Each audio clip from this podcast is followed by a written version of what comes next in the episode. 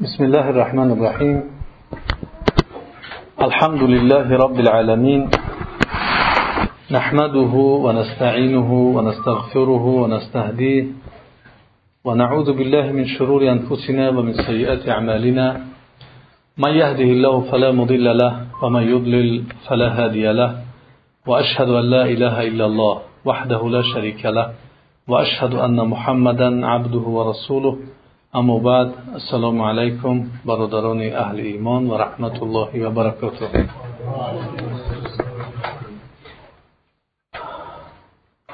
الحمدلله که ما امروز هم موفق شدیم که چند لحظه با هم در اطراف کلام الله سبحانه و تعالی جمع بشیم و از خدا امید می‌کنیم. در زمره کسانی که پیامبر علیه السلام آنها را گفت که یتدارسون القرآن که قرآن بین هم درس می‌خوانند در زمره این حدیث ما هم باشیم. و در زمره حدیثی که خیرکم من تعلم القرآن و علمه. بهترین شما کسی هست که قرآن را تعلیم می‌گیرد و آن را تعلیم می‌گیرد یعنی این را شکرانه کردن در طور که ببینید که دو سال پیش وقتی خداوند نصیب کرد که ما با هم بخوردیم و همینجا شروع کردیم درس ما از قرآن بود. و انشاءالله این فضل و برکتی است که خداوند برای ما داده است فضل الهی است که در یک شهری که دور از وطن است و برای کار و برای رزق و روزی اومدگی است. ولی با وجود این خداوند شاید ما را از جمله کسانی گردون که قرآن را می‌خونند و اون را تعلیم میتیند و باز امروز هم خداوند باز نصیب کرد بعد دو سال که با هم باز سر این قرآن به هم جمع بیاییم و تعلیم بگیریم و او را تعلیم میتیم و ملائکه این حلقه های قرآن را جستجو می‌کنند.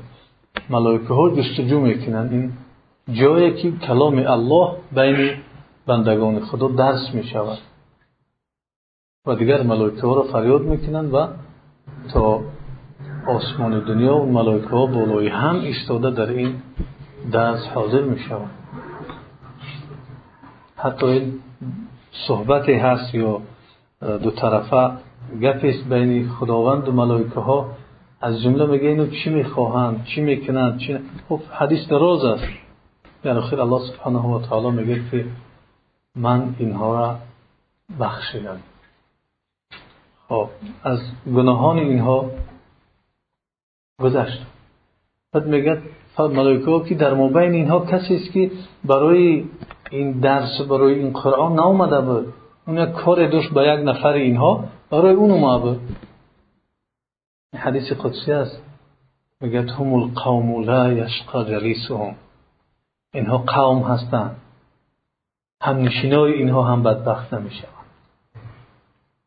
حتی همون کسی که برای خوندن نامد کار داشت یک نفری را اومد اونجا ایستاد که دست شتام کنه بعد برم کار مبود کنم.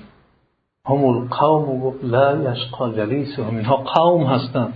هم نشینای اینها بدبخت نمیشه خداوند در زمره این بندگانش ما را گردونده باشه. و شکرانه ایرد خیلی که باز تذکر میتیم شکرانه این نعمت کردن در کار است که این نعمت بسیار بزرگ است. که ما رو در اطراف کلامش با هم جمع کرده است و این وقتهای حیات خود را الحمدلله با سمع گذرانده استودیم و این وقتهایی هستند که انسان از گذراندن این وقت پشیمون نمیشه درسی را که شروع کرده بودیم این چنین در مورد اخلاق بود. یکی از بخش ها و پایه های اساسی اسلامی ما اخلاق است. و اومدیم تا اونجا که فضیلت این اخلاق حسنه را بفهمیم که چی فضیلت داشته بود است و برای ما خیلی هم معلوم شد که اخلاق نیک این فضیلت های زیادی داشته است که وقتی انسان اخلاق نیک داشته بود است چیزی را کسب می‌کند که وزنین ترین چیزی که در میزانش روز قیامت میماند اخلاق نکو است کاملترین ایماندارها فهمیدیم که نیکو اخلاق ترین بوده است. خوبترین کسانی که اسلام دارند بهترین کسی که اسلام دارد اون هم کسی بوده است که اخلاق خوب داشته بوده است. و حتی پیامبر علیه السلام را دیدیم. با وجود آنکه رسول الله صلی الله علیه وسلم نبی اون امت است الله سبحانه و تعالی اون را وصف کرد که و این لعلی خلق عظیم و تو در اخلاق بزرگ هستی. دعا می‌کرد. وقتی که در آینه نظر می‌کرد که ای بار خدایا آنگونه که خلقت من رو زیبا کرده ای اخلاق من رو هم زیبا بگردان اللهم کما احسنت خلقی حسنت خلقی فاحسن خلقی و فحسن خلقی. پیامبر علیه السلام این دعا را چکار میکرد. میکرد و این چنین اللهم اهدنی باحسن الاخلاق لا یهدی لاحسنها الا انت. این چنین دعا میکرد. که پروردگارا به اخلاق نیکو ما را هدایت بکن که به این اخلاق نیکو جز کسی هدایت نمی‌کند. و رسیدیم به اینجا که ما باید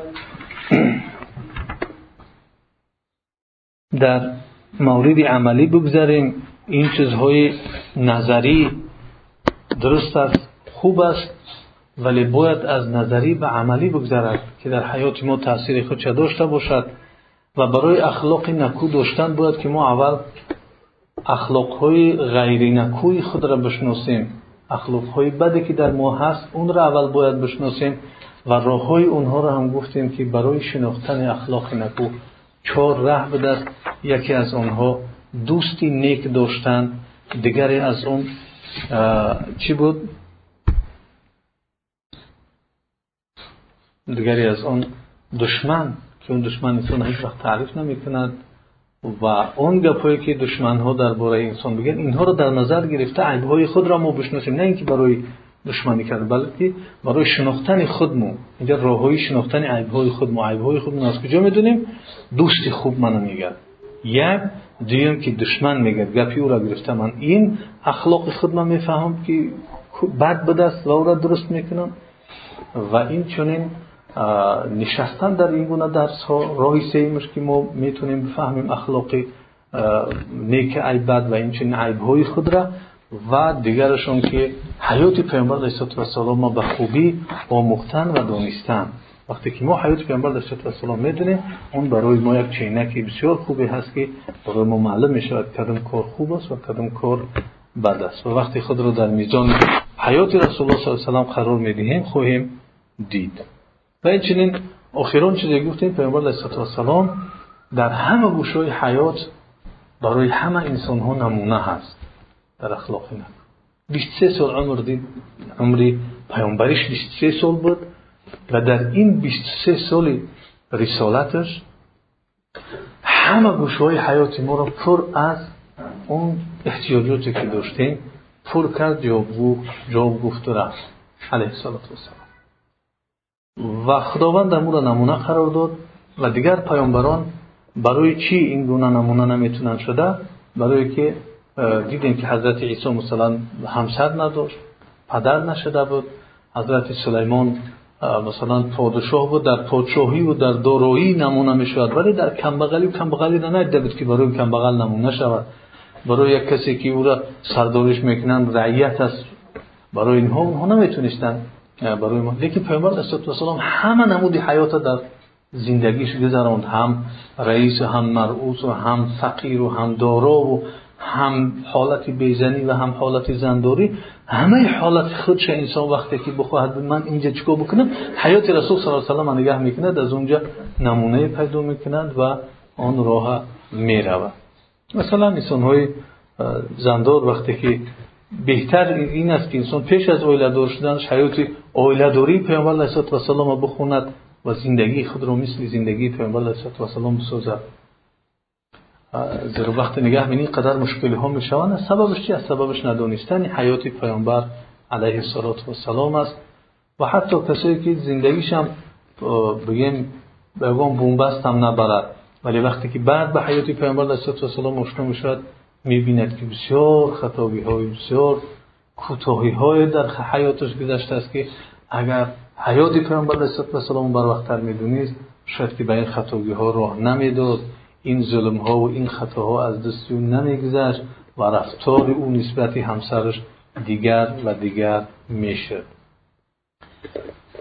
خب خیلی یک برادر در یک درس میستد بعد میشنود که العالم ایشان نوردین جان چی می‌کند که برای همسر مثلا گل دادن و همین چیزا این برادر رفیقش میگه که بیا این کار بکنیم ما امروز می‌روم گل می‌گیرم به همسروش نه مثلا می‌برم بعد در راه نزدیکی خونهشون برود یک پرابلم دیگر پیدا میشه این اپا و خواهر خیلی چیز دوست است حاضر اگر گل در پیش او برا بایزن شد باز ممکن است که سبب یکان نافهمی می شود ولی توکل بر خدا می‌کند با وجود این برده میگه همون گل به همسر دادیم. چند سال شد میگه همون گل قاق شدگی از همون خونه همون گل نگه میداره همون همسر. ببین وقتی که یک قدم خوب کردی وفای او زنه ببین که همون گل قاق شده است میگه تو حاضره همون گل میگه در خونه نگهش میداره این چند سال شد؟ یعنی ببینه که یک خوبی چقدر خوبی را میوره وقتی که ما ناخوبی هایی را می‌بینیم مشکل این است که از این طرف خوبی ها نیست. این چیز را انسان باید که درک بکند. یک عمل خوب چند چیز دیگر به بار میوره خب ما وقتی که اخلاق میگیم و اومدیم آخران چیزی گفتیم این حیات پیامبر علیه السلام را دونستن آیا رسول الله صلی الله علیه وسلم را ما دوست میداریم این سوال آینده ما هست. آیا ما رسول الله صلی الله علیه و سلم را دوست میداریم؟ این را جواب گفتن در کار است. جواب زبانی نه جواب با وجود با هستی انسان جواب بتید که من رسول الله صلی الله علیه وسلم را دوست میدارم. امروز یک برادر صحبت می‌کرد و در ضمن صحبتش گفت من انسانی هستم که راست میگم درو همین گپ راست میگم مثلا بعد شاید که دغل بگم گفته همین خیلی چی کرد.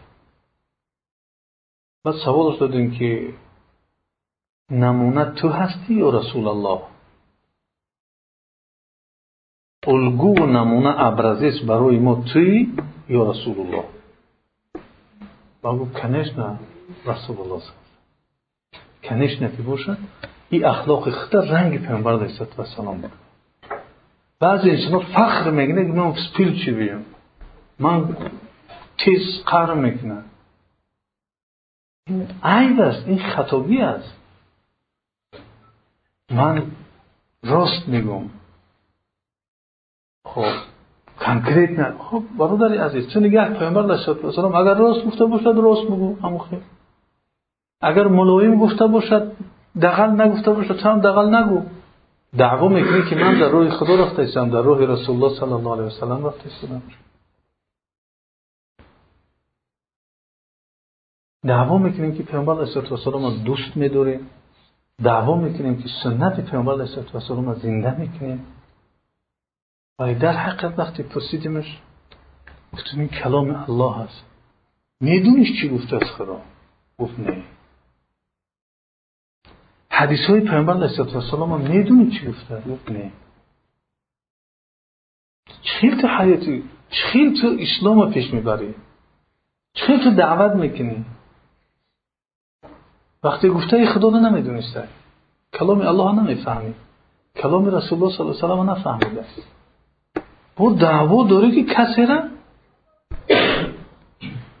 حکم بکنیم برادر عزیز یک بگرد خود نگه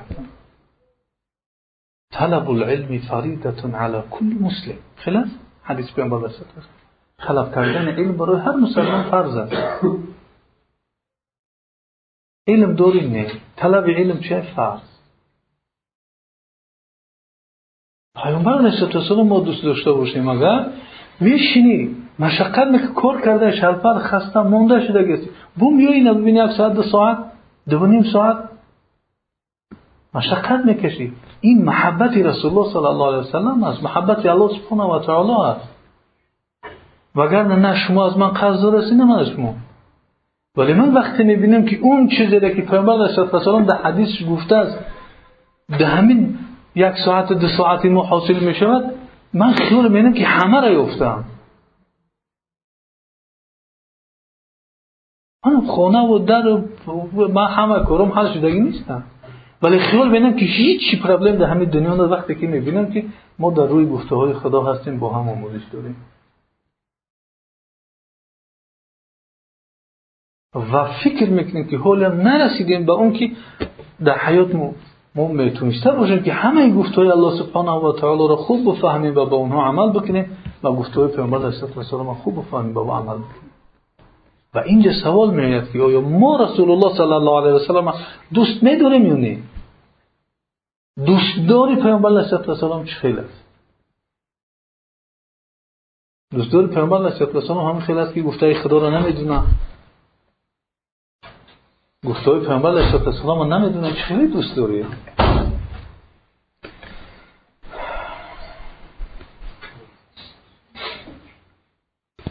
برای اون که با این سوال جواب بتیم ما باید که کوشش بکنیم راه پیدا بکنیم محبت رسول الله صلی الله علیه و در دلهای ما جا بگیره اگر محبت رسول الله صلی الله علیه و در دل ما جا نگیرید اون اخلاق هایی را که بعد می شود ما باز فقط در مقدمه هستیم همین قرار صحبت داریم. اون اخلاق هایی را که می خواهیم اطراف اونها صحبت کنیم مشکل می شود آنها عمل کردن ولی اگر محبت رسول الله صلی الله علیه و در قلب من باشد یکم که من این نعمت یافتم. دوم اینکه به اون اخلاق عمل کرده برای من آسان می‌شد برای که من با شوق میرم.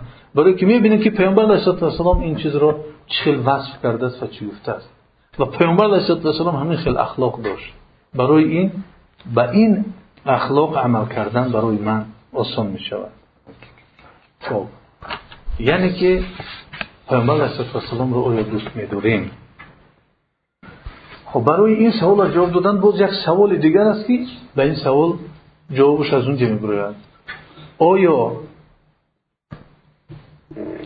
پیامبر صلی الله علیه و سلم از سه چیز دیده برای تو محبوب تر است از سه چیز زیادتر او را دوست میداری خب می‌بینیم که اون سه چیز چیست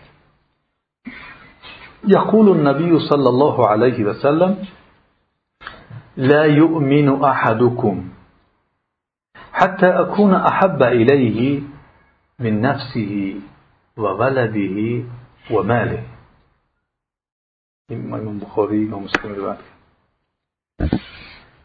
دارای ایمان نمی باشد یگان تای شما. خب دیگه ایمان کامل است یا ایمان است؟ ایمان اومده است. لا یؤمن احدکم.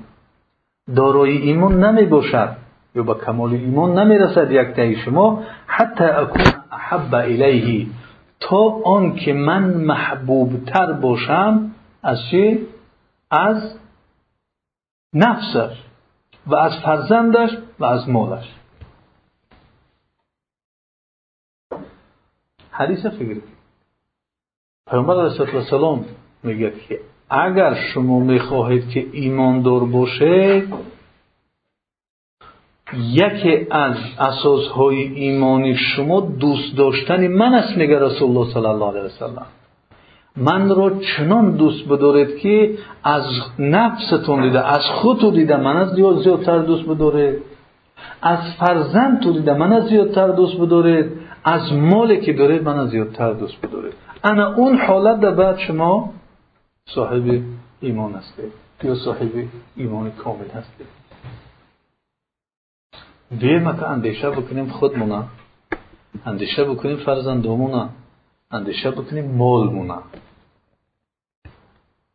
وقتی که انسان دوست میدارد همه وقت چیزی که دارد برای همون محبوبش میتید آیا من برای محبوب نفس خود و مال خود و فرزند خود را دریغ میدارم یا نه؟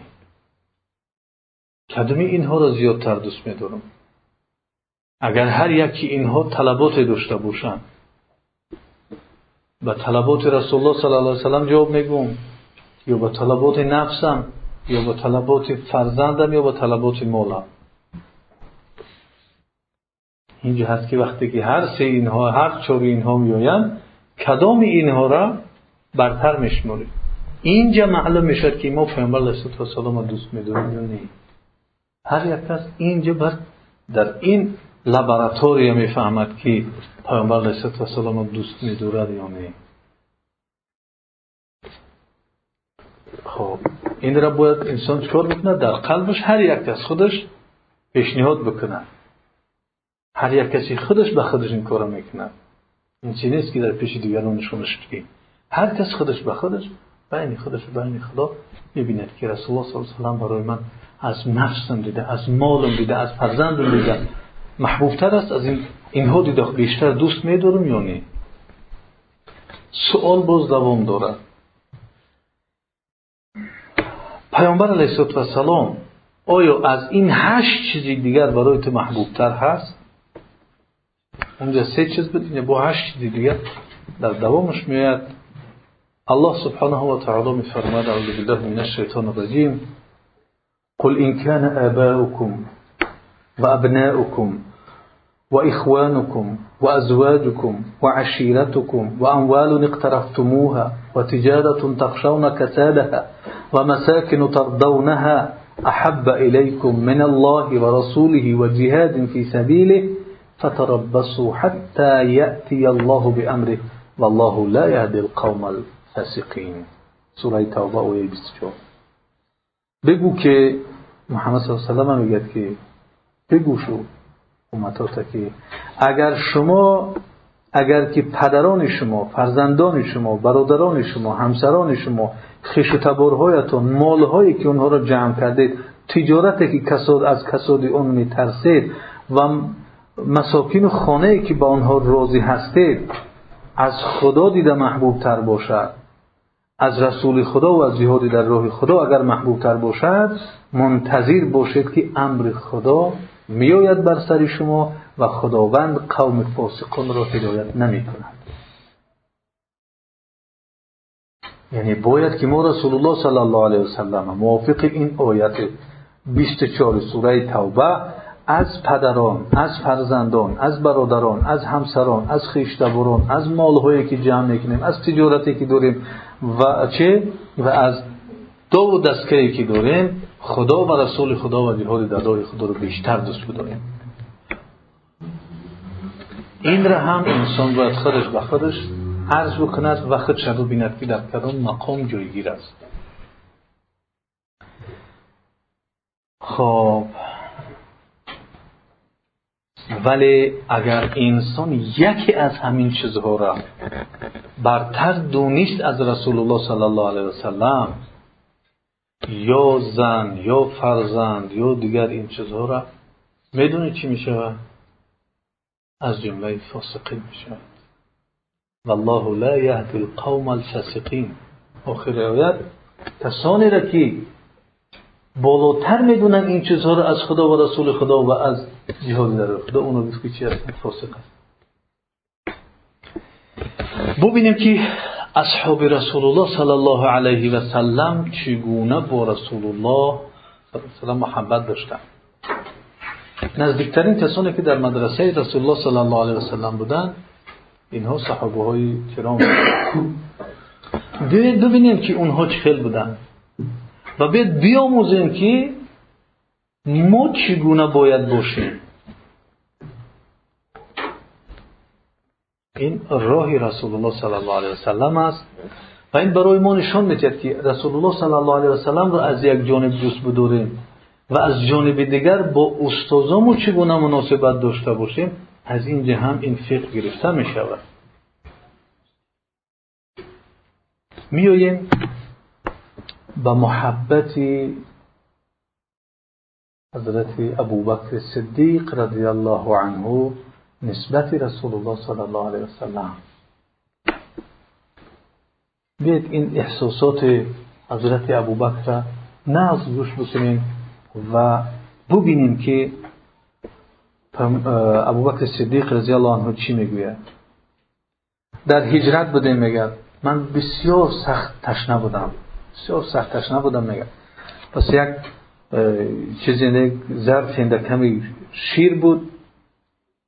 به رسول الله صلی الله علیه و دادم و به او گفتم که بنوش ای رسول خدا اشرب یا رسول الله بکر صدیق میگه که فشرب النبی صلی الله علیه و سلم حتی ارتویتو عربی دونا میگه فشرب النبی صلی الله علیه و سلم حتی تور حتی ارتویتو پیامبر علیه و سلام میگه همه قدری که نوشید که من سیراب شدم. تشنگیم شکست تشنگی ابوبکر صدیق رضی الله عنه با نوشیدن خودش نشکست. با نوشیدن اون حبیبش شکست. وقتی خودش تشنه بود دونست که اون کسی که من دوست میدارم اون تشنه است. اول به او را دادش. میگه وقتی که نوشید تشنگی من شکست. تو دم نوشید که تشنگی من شکست.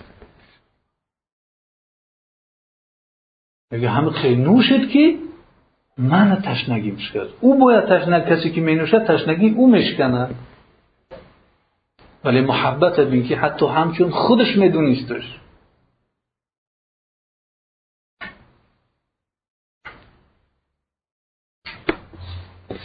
این محبت نسبت پیشوا نسبت استاد این تعلیمات صحابه و این تعلیمات رسول الله صلی الله علیه و سلم است.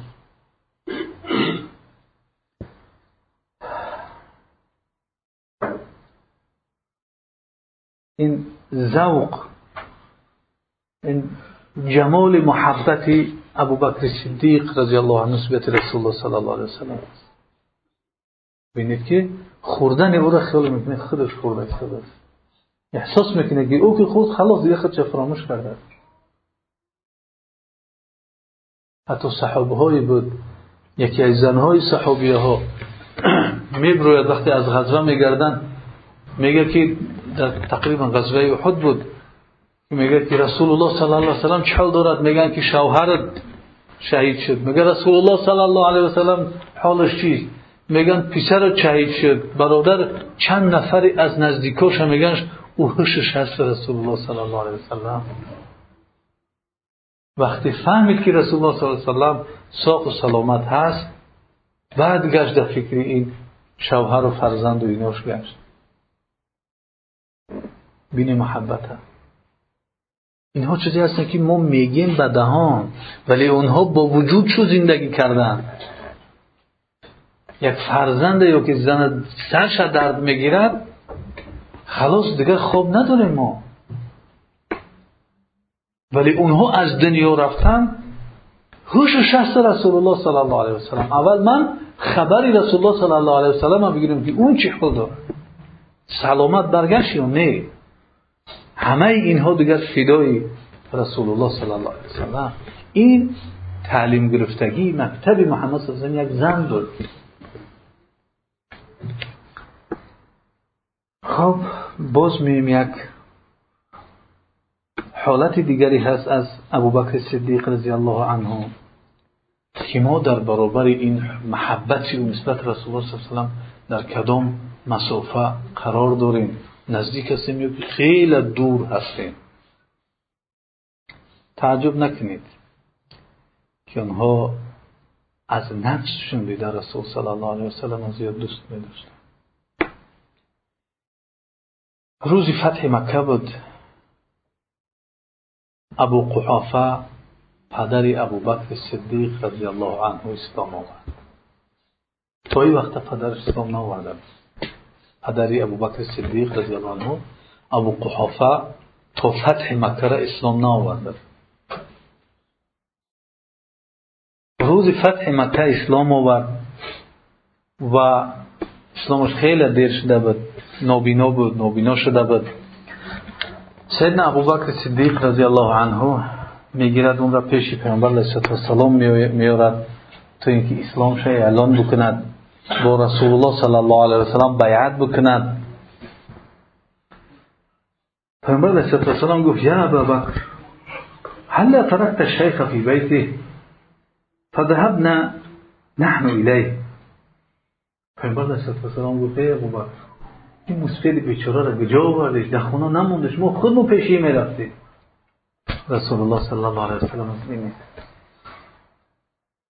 کدام رهبر کدام امپراتور بگیم کدام پرزیدنت می‌خواهد پیش یک نفر عادی که امروز گپی او را گرفته است. تا امروز ضد او بود در عقیده او نبود.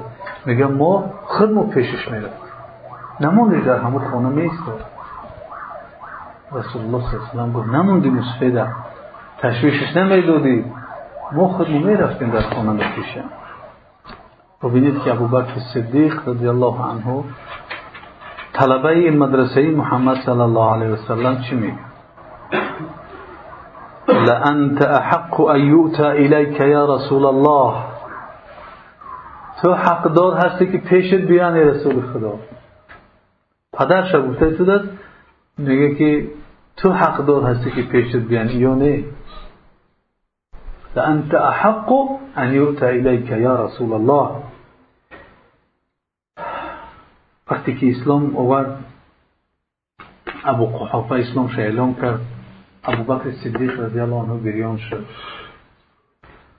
و گفتن که ای ابو بکر چی گریه می‌کنی؟ امروز روز خرسندی است پدرت اسلام آورده است. پدرت مسلمان شد روز شادی و خرسندی است. با این اسلام آوردنش از آتش دوزخ نجات یا چی با تو گریه داری؟ ببینید که ابوبکر صدیق چی میگه؟ لأني كنت أحب أن الذي بايع النبي الآن ليس أبي ولكن أبو طالب. ابوبکر صدیق رضی الله عنه میگه که من میگه دوست میداشتم که کسی که پیامبر علیه السلام امروز بیعت کرد و اسلام آورد این پدری من نمی بوده ابو طالب بود امکی رسول الله صلی الله علیه وسلم او اسلام نآورد ابو طالب لأن ذلك كان سيسعد النبي أكثر اسلام آوردن امکش ابو طالب پیامبر علیه السلام زیادتر خرسند می‌کرد از این اسلام آوردن پدری من. اون چیزی که پیامبر علیه السلام خرسند می‌سازد بیشتر اون برای من محبوب تر است. از این چیزی گرچنده که پدرش هم به اسلام آورده بود این باید خرسند می‌شد. ولی گفت کاش که کی در جای پدر من ابو بکر که ابو طالب می بود که اون اسلام میورد این پیامبر علیه السلام بیشتر خرسند میساخت. خرسندی حبیب خدا میگوستند برای خرسندی بیشتری حبیب خود ببینید که حتی تمنا کرد که در جای پدر من ابو طالب نبود. سبحان الله این محبتی صحابه های کرام ببینید که امروز انسان گاه پدرش از همه بالا دوست میدارد برادرش از همه بالا دوست میدارد. ولی جایی که دوست داشتنی هست این است. چی؟ رسول الله صلی الله علیه وسلم یک کسی که سبب نجات دنیا و آخرت می شود مییم یک نمونه دیگر از حضرت عمر رضی الله عنه می‌گیرین. حکایت می‌کنند که عمر رضی الله عنه خودش می‌گوید با همراهی رسول الله صلی الله علیه وسلم پیاده می‌رفتیم. با همراهی ما چند نفری از اصحاب کرام بود. رسول الله صلی الله علیه وسلم اومده میگه دست ما گرفت و همیشه راه رفتن گرفتیم. دست ما قفل گفت عمر رضی الله عنه میگه پیامبر علیه السلام ما دست ما قفل رفتیم. حضرت عمر رضی الله عنه میگه و توجدت فی نفسی اقول در دلم همین چیز یافت در دلم همین چیز است که والله یا رسول الله انی احبه قسم به خدا که رسول خدا من ترا دوست میدارم رسول الله صلی الله علیه وسلم ببینید خیلی معلم بود اومد و شاگرد دست چه گرفت احساس کنیم که یک رسیدن دست او در دل حضرت عمر رضی الله عنه چی تأثیر گذاشت که او را نگذاشت که خاموش بنشیند مجبورش کرد این ملایمتی این علاقه مهربانانه رسول الله صلی الله علیه وسلم با او که گفت الله یا رسول خدا من تو را دوست میدارم ببینید پیامبر علیه السلام چی میساخت؟ راه او چی بود؟ ایجاد محبت ایجاد دوستی. قسم به خدا خورد که من تو ای رسول خدا دوست میدارم خب ببینید که یک رساندن دستی رسول صلی الله علیه وسلم چی چیزها می‌سازد چی چیزها را به بار میارد چی میوه ها و چی گل ها را میشکفاند آیا ما این کار کرده می‌تونیم؟ دعوای احیای سنت داریم. دعوای پیامبر از پشت پیامبر علیه السلام رفتن داریم. از ما میاد این کار. یک رفیق یک دوست خدا یک برادر را بریم دستش بگیریم. محبت اعلام بکنه که من تو دوست میدارم این از اسلام ما هست از سنت پیامبر علیه السلام است. سنت این دین ما هست که وقتی یک برادر را دوست داشتی باید اعلانش بداری که برادر من تو در راه خدا دوست میدارم و جوابش این است که دوست بدارد خدا خدایی که دوست بدارد تو خدایی که برای او مرا دوست داشته ایم انی احبک فی الله. میگد و اون در جور احبک الله الذي احببتنی فی خب میگردیم ادامه این حالت حضرت عمر ده میگیم پیامبر علیه گفت که اکثر من ولدی که عمر. ای بچه تا زیادتر دوست میداری ببینید رسول الله صلی الله علیه وسلم روز چگونه می‌خواهد حقیقت چیزها را ببرد سوالها چگونه سوال هستند؟ سوال پیشرو دادن نیست. سوال گل کردن میوه دادن است ثمر دادن است. سوالی هست که نجات انسان است. سوالی هست که رضای الله سبحانه و تعالی است. امروز سوال های ما را ببینیم چی سوال هستند اکثر من ولدی که عمر ای بچت زیادتر دوست میداری؟ قال نعم. گفت آره. از بچند زیادتر دوست دارم؟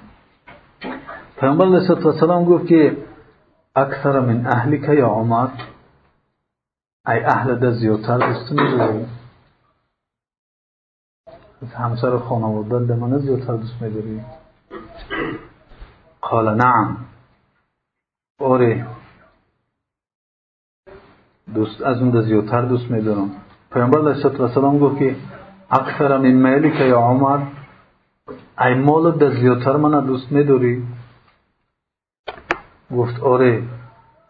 گفت اکثر من نفسی که یا عمر ای خودت دیده من بیشتر دوست میداری قلت لا. عمر گفت نه از خودم بیشتر دوست نمیدارم. این صداقت ببینید راستگویی رو ببینید دروغ نمیگه. در این مکتب دروغ نیست. مکتب ریالی است واقعی است. مکتب حقیقت است. مکتب دروغ و نیرنگ و فریب نیست. یک چیز غیر حقیقتش نشون دادن نیست. مکتب ساختکاری نیست. مکتب حقیقت است. گفت نه رسول ای فرزند و از مال و از اهل و از این چیزا من زیادتر دوستت میدارم. ولی از خودم زیادتر دیده نمی‌دونم فقال النبي صلى الله عليه وسلم لا يا عمر. لا يكمل إيمانك حتى أكون أحب إليك من نفسك. گفت پس نباشد عمر نمی شود. اگر از خودت ده محبوب تر من نباشم برای تو ایمان تو کامل نمی شود. نمی شود. من چیزی نیستم که من از نفس کمتر دوست بداری يقول عمر فخرجت ففكرت ثم عدت أهتف بها. والله يا رسول الله لأنت أحب إلي لأنت أحب إلي من نفسي. فقال فقال النبي صلى الله عليه وسلم الآن يا عمر الآن. حضرت عمر رضی الله عنه برآمدم. فکر کردم اندیشه کردم. بعد فریاد زده در اومدم که ای رسول خدا اکنون تو از خودم دیده برای من محبوب تو از خودم دیده زیادتر. ترا ای رسول خدا دوست میدارم. پیامبر علیه السلام گفت که انا اکنون ای عمر اکنون. ایمانت کامل شد.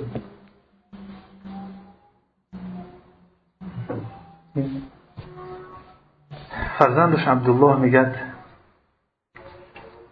گفتم که پدر تو چی شد که بیرون اومدی و در اومدی؟ ای گفت گفتی پیش ای گفت گفتی. فرزندش عبدالله سوالش می‌کنه. ای پدری چی گپ شد؟ تو اومدی با فکر دیگه کردی. گفت برو اومدم یاد بونه فرزندم گفت. من برو اومدم خود سوال کردم که روز قیامت بیشتر محتاج کی است من؟ محتاج خودم یا محتاج رسول الله؟ به خودم سوال دارم میره روز قیامت من محتاجتر به کی هستم؟ و نفسم یا رسول الله صلی الله علیه وسلم پس دیدم که حاجت الیه اکثر من حاجت الی نفسی. دیدم که احتیاج من نسبت به رسول الله صلی الله علیه وسلم از احتیاج خودم به خودم دیده بیشتر است. از این جهت و این چنین به خاطر آوردم که من در یک گمراهی بودم. همین نفر سبب شد که من هدایت یافتم. فضیلت ها را انسان ذکر اینا همش فقه هستن برای ما. یک کسی که بالای ما فضیلت دارد اونو باید فراموش نکنیم اگر من در گمراهی بودم. این نفر سبب شد که من هدایت یافتم و خداوند به سبب ایمان را نجات داد. عبدالله گفت که ای پدر اگر همه چیز از رسول الله صلی الله علیه وسلم فراموش کنی یگانه کارت که او را نمی‌تونی فراموش کنی کدام کار است. در حیات گفت که ان نسیت ما نسیت فلا انسى یوما یوم ذهبت الیه اقول. اگر همه چیز را من فراموش بکنم این چیز را فراموش نمی‌کنم که روزی که رفتم پیش رسول الله صلی الله علیه وسلم گفتم که اذن لی ان اخرج الى العمره یا رسول الله ای رسول خدا اجازت بده که من عمره ببرم عمره بروم رسول الله صلی الله علیه وسلم گفت که لا تنسنا یا اخی من صالح دعائک. ای برادرم گفت در دعای خیر ما رو فراموش نکنیم رسول الله صلی الله علیه وسلم دیگه این گفت به من گفت که یا اخی ای برادر من در دعاهای نیکت من رو فراموش نکنیم اگر دنیا رو بتیان میگه این چیز برای من بالاتر است از اون دنیا و اون چیزی در دنیا است. و اگر دنیا رو بتیان همش من مخخصا نمیشیدم که رسول الله صلی الله علیه وسلم من اخی گفت و گفت که برادر من از در دعاهای نیکت من رو فراموش نکنید. این مناسبت این جمله ها و این کلمات رو ببینید که از دنیا قیمت قیمتشو بالاتر است ارزش اونها بالاتر است. این گفته ها رو هر کس احساس نمی‌توند کرده مگر اینکه درک این محبت داشته باشد درک این چیزها رو داشته باشد. باز ببینین یک صحابی دیگر صوبان محبت و شوق تعلیمون میتید پیامبر علیه السلام تمام روز نبود در خونه. صوبان خادمش رضی الله عنه در خانه بود. وقتی که پیامبر علیه السلام اومد صوبان رضی الله عنه گفت بسیار ای رسول خدا گفت بسیار زیق مو گفت. امروز کجا شدی از سر تو بگاه نبودی. و گریه کرد. پیامبر علیه السلام گفت که همین چیز تر گریان کرد. یا سر تو بگه همان نبودم تو زیق شدی و گریه می‌کنی. قال ثوبان لا یا رسول الله گفت نه این چیز من گریان نکرد ولكن تذكرت مكانك في الجنة ومكاني فذكرت الوحش این چیز من گریان نکرد ولی مگه جنت فکر کردیم که جای تو در کجا هیو من از جای تو خیلی دور هستم یک روز از هر تو بگه من طاقت نداشتم که ترا نبینم دلم زیق شد تنگ شد. از فراق تو را نتونست من از هر تا بگه نادیده تو را چخیل می شود که در جنت بریم جایهای ما دور باشن از هم. من چخیل طاقت کردم. جنت انده میگه من چخیل طاقت کردم لیکن تو را نادیده. در جنت جایهای ما دور می شوند. تو رسول خدا هستی من یک خادم یا آدم عادی هستم. مسلمان عادی هستم شاید این که دور باشن فقال له النبي صلى الله عليه وسلم يا ثوبان المرء يحشر مع من أحب. انسان با همراهی کسی که دوست میداره قطعی هموا محشور میشه. دیگه نشه گفت نشه کسی را که دوست میداری روز قیامت با همونا هستی. در جمع همونا هستی میبینیش اگر من که دوست داشته باشی انشاءالله که با من هستی مقصد ببین که با محبتش محبت چیزها را به دست آوردن اینجا درباره عبادت حال گپ نرفته است درباره دیگه چیز گپ نرفته است درباره محبت یک چیز اخلاقی است با اخلاق و با محبت پیامبر علیه السلام چی وعدش داد المرء یحشر مع من حب اللهم ارزقنا حب النبی صلی الله علیه وسلم. خب سواد میدونید قصهش اون نفری که در جنگ احد کمتر فربشتر بود. شاید موارو که یکی حجی بوری. در صف انده گفت روز بیستی استبو استقیم و روز بیستی همه روز استودن حضرت سواد ابن عزی است در غزوه احد در مبین همون صفنده پیش برو ماگی و گفت راست بیست سواد.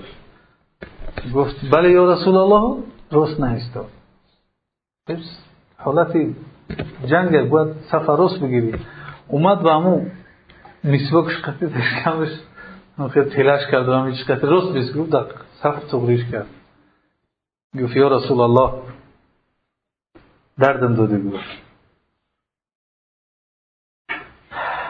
دردم دادی گفت ای رسول الله الله سبحانه و تعالی تو را به حق فرستادگی است. قصاص برای من بتی دردم دادی گفت من دریافتم.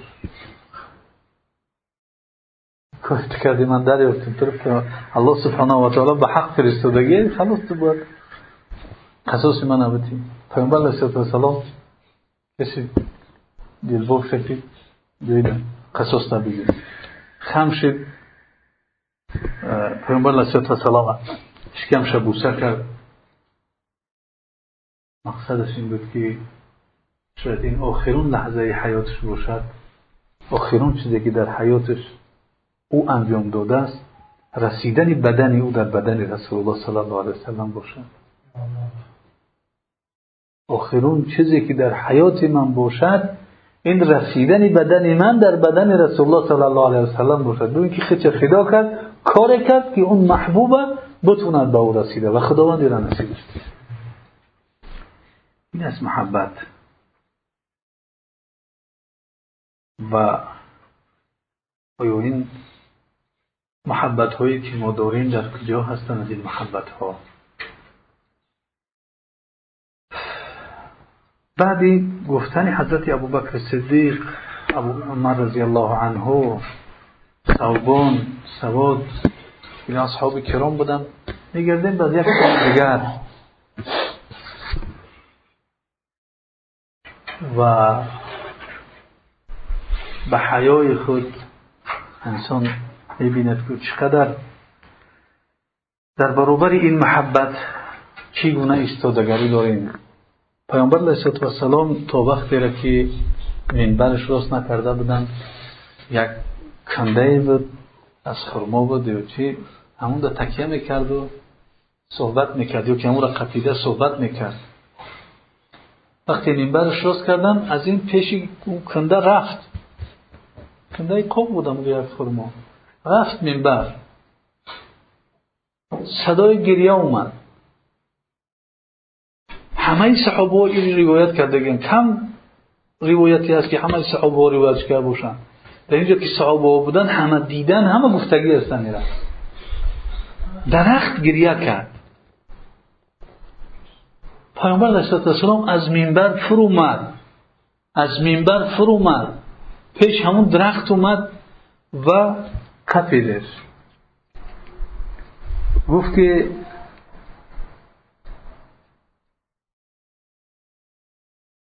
این نولش از فراق رسول الله صلی الله علیه و سلم میگه چی کرد؟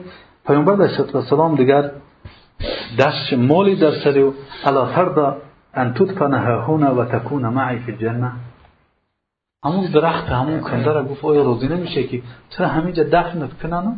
روز قیامت در جنت با من باشی. بعد اون درخت آرام گرفت. خاموش شد. یعنی فراق رسول الله صلی الله علیه وسلم قبول کردن نیست. حتی یک درخت.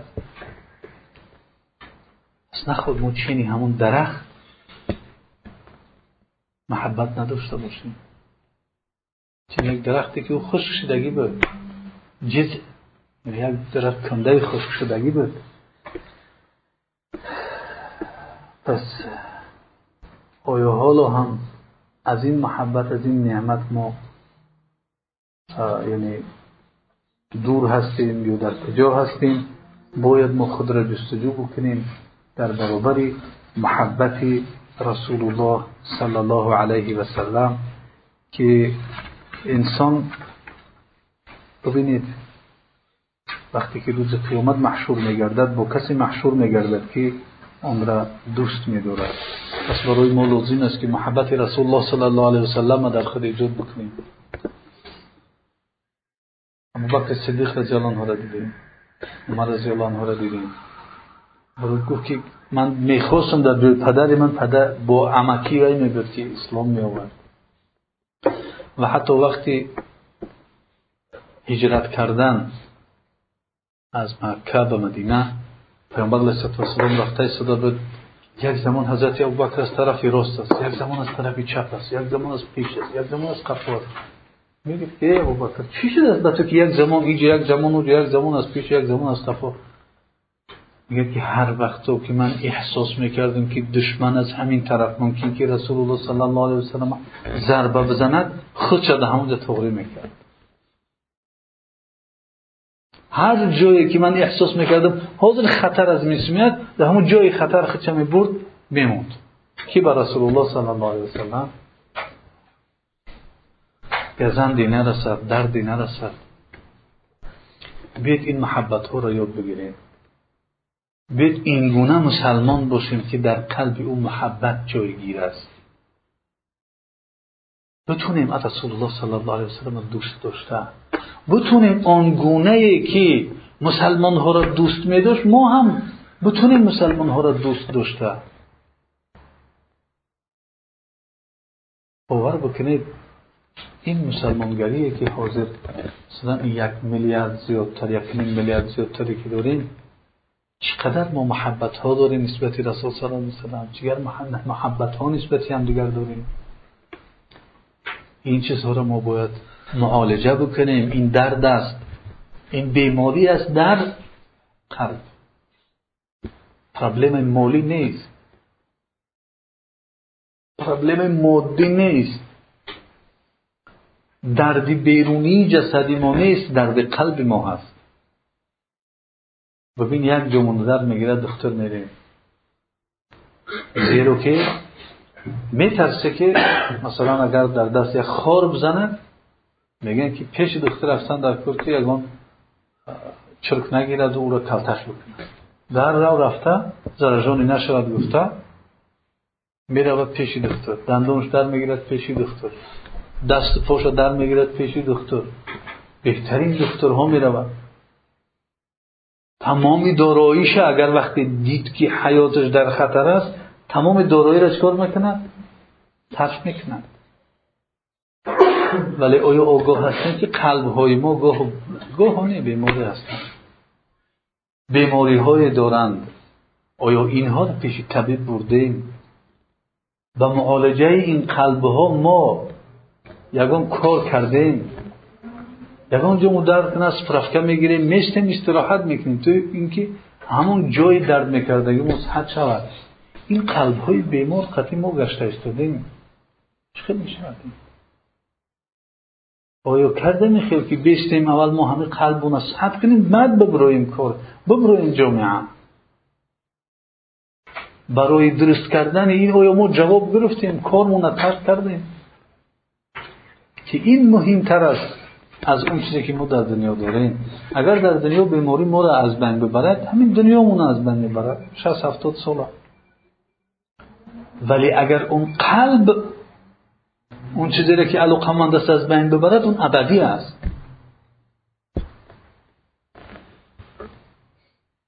ما اگر این قلب ها و این محبت ها و این دوستی ها رو در خود ایجاد نکنیم جایی هست که پیش از در اومدن بهشت. انسان نمی‌تونه در در قنطره. آن کینه و عداوت آن بغض و کینه ای که نسبت برادر داشتی برادر مسلمان. کسی که در دلش چیزی ناپاک نسبت برادرش داشت او خیلی صاحبی دل به بهشت نمیدروید اونجا تازه کردنش چقدر می‌شود. تنها با آتش بیاید پیش از اینکه آتش قطعی تازه رو بکنن در همین هوای سلقینی موقع تازه نگذاریم که خداوندی که نمی‌خواه که ما را عذاب بده. اینقدر رعوف و رحیم است. او ما را در دوزخ بدازد برای تازه کردن. علیه بالله بیاید در همین جا خودمون کوشش بکنیم. نیت همین کار را بکنیم که ما خودمون ساز می‌کنیم. نیت بکنیم. با همین نیت باشیم که من اعتراف می‌کنم که قلب های من بیماری ها دارد. محبت رسول صلی الله علیه و در دل من کمتر است. من باید این را زیاد بکنم. محبت من نسبت برادران مسلمان مشکلی دارد پرابلم دارد. باید من این را حل بکنم. وظیفه ما هست که ما دیگران را این محبت را نشون بدیم لیکن ما تا حال خودمون محتاج تعلیم تعلم این محبت هستیم. خداوند همه ما و شما را موفق بگرداند که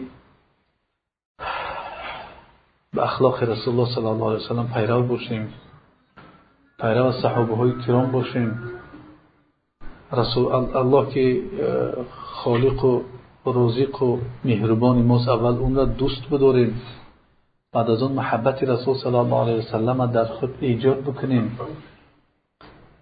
و این چنین محبت مسلمان ها هم برای ما چیزی بسیار لازم است که اگر محبت مسلمان ها در دل ما نباشد این هم برای ما یک خطر کلانی هست که ممکن است ما را از همه محبت ها دور بکند زیرا که خدا بنده باشد دوست می دارد یک انسانی که تمام حیاتش گناه کرده است گناه کرده است گناه کرده است.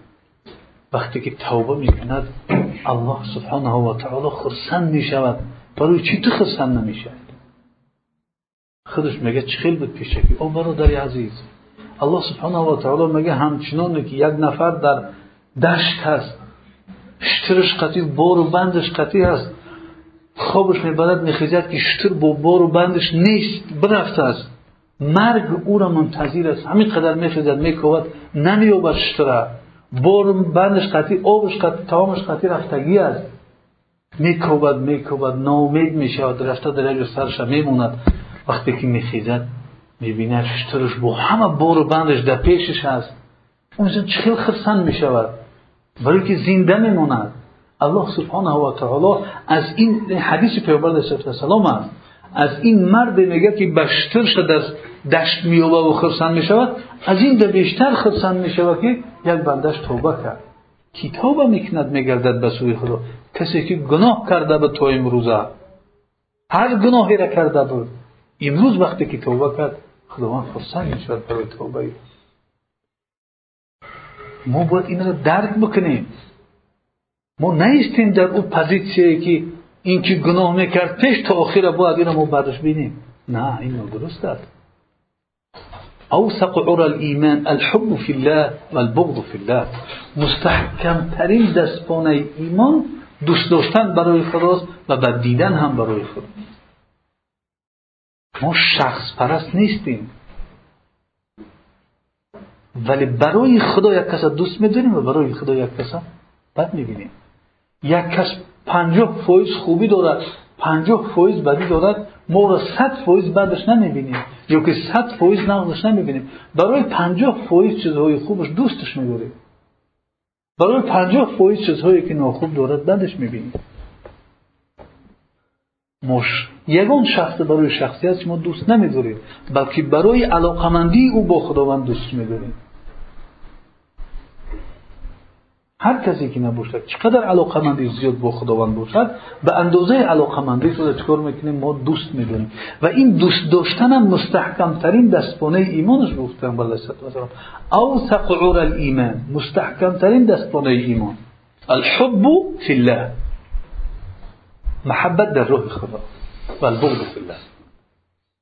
این محبت رو ایجاد بکنیم. انشاءالله خودمون راحت می‌کنیم. یکمین کسی که راحت می‌کند به تشویش خوب می رود زندگیش به تشویش است. زن فرزند او به تشویش هستند کسی که در دلش محبت دارد. کسی که در دلش صفت محبت دارد. خداوند همه ما شما رو موفق بگرداند. و آخر دعوانا ان الحمد لله رب العالمین.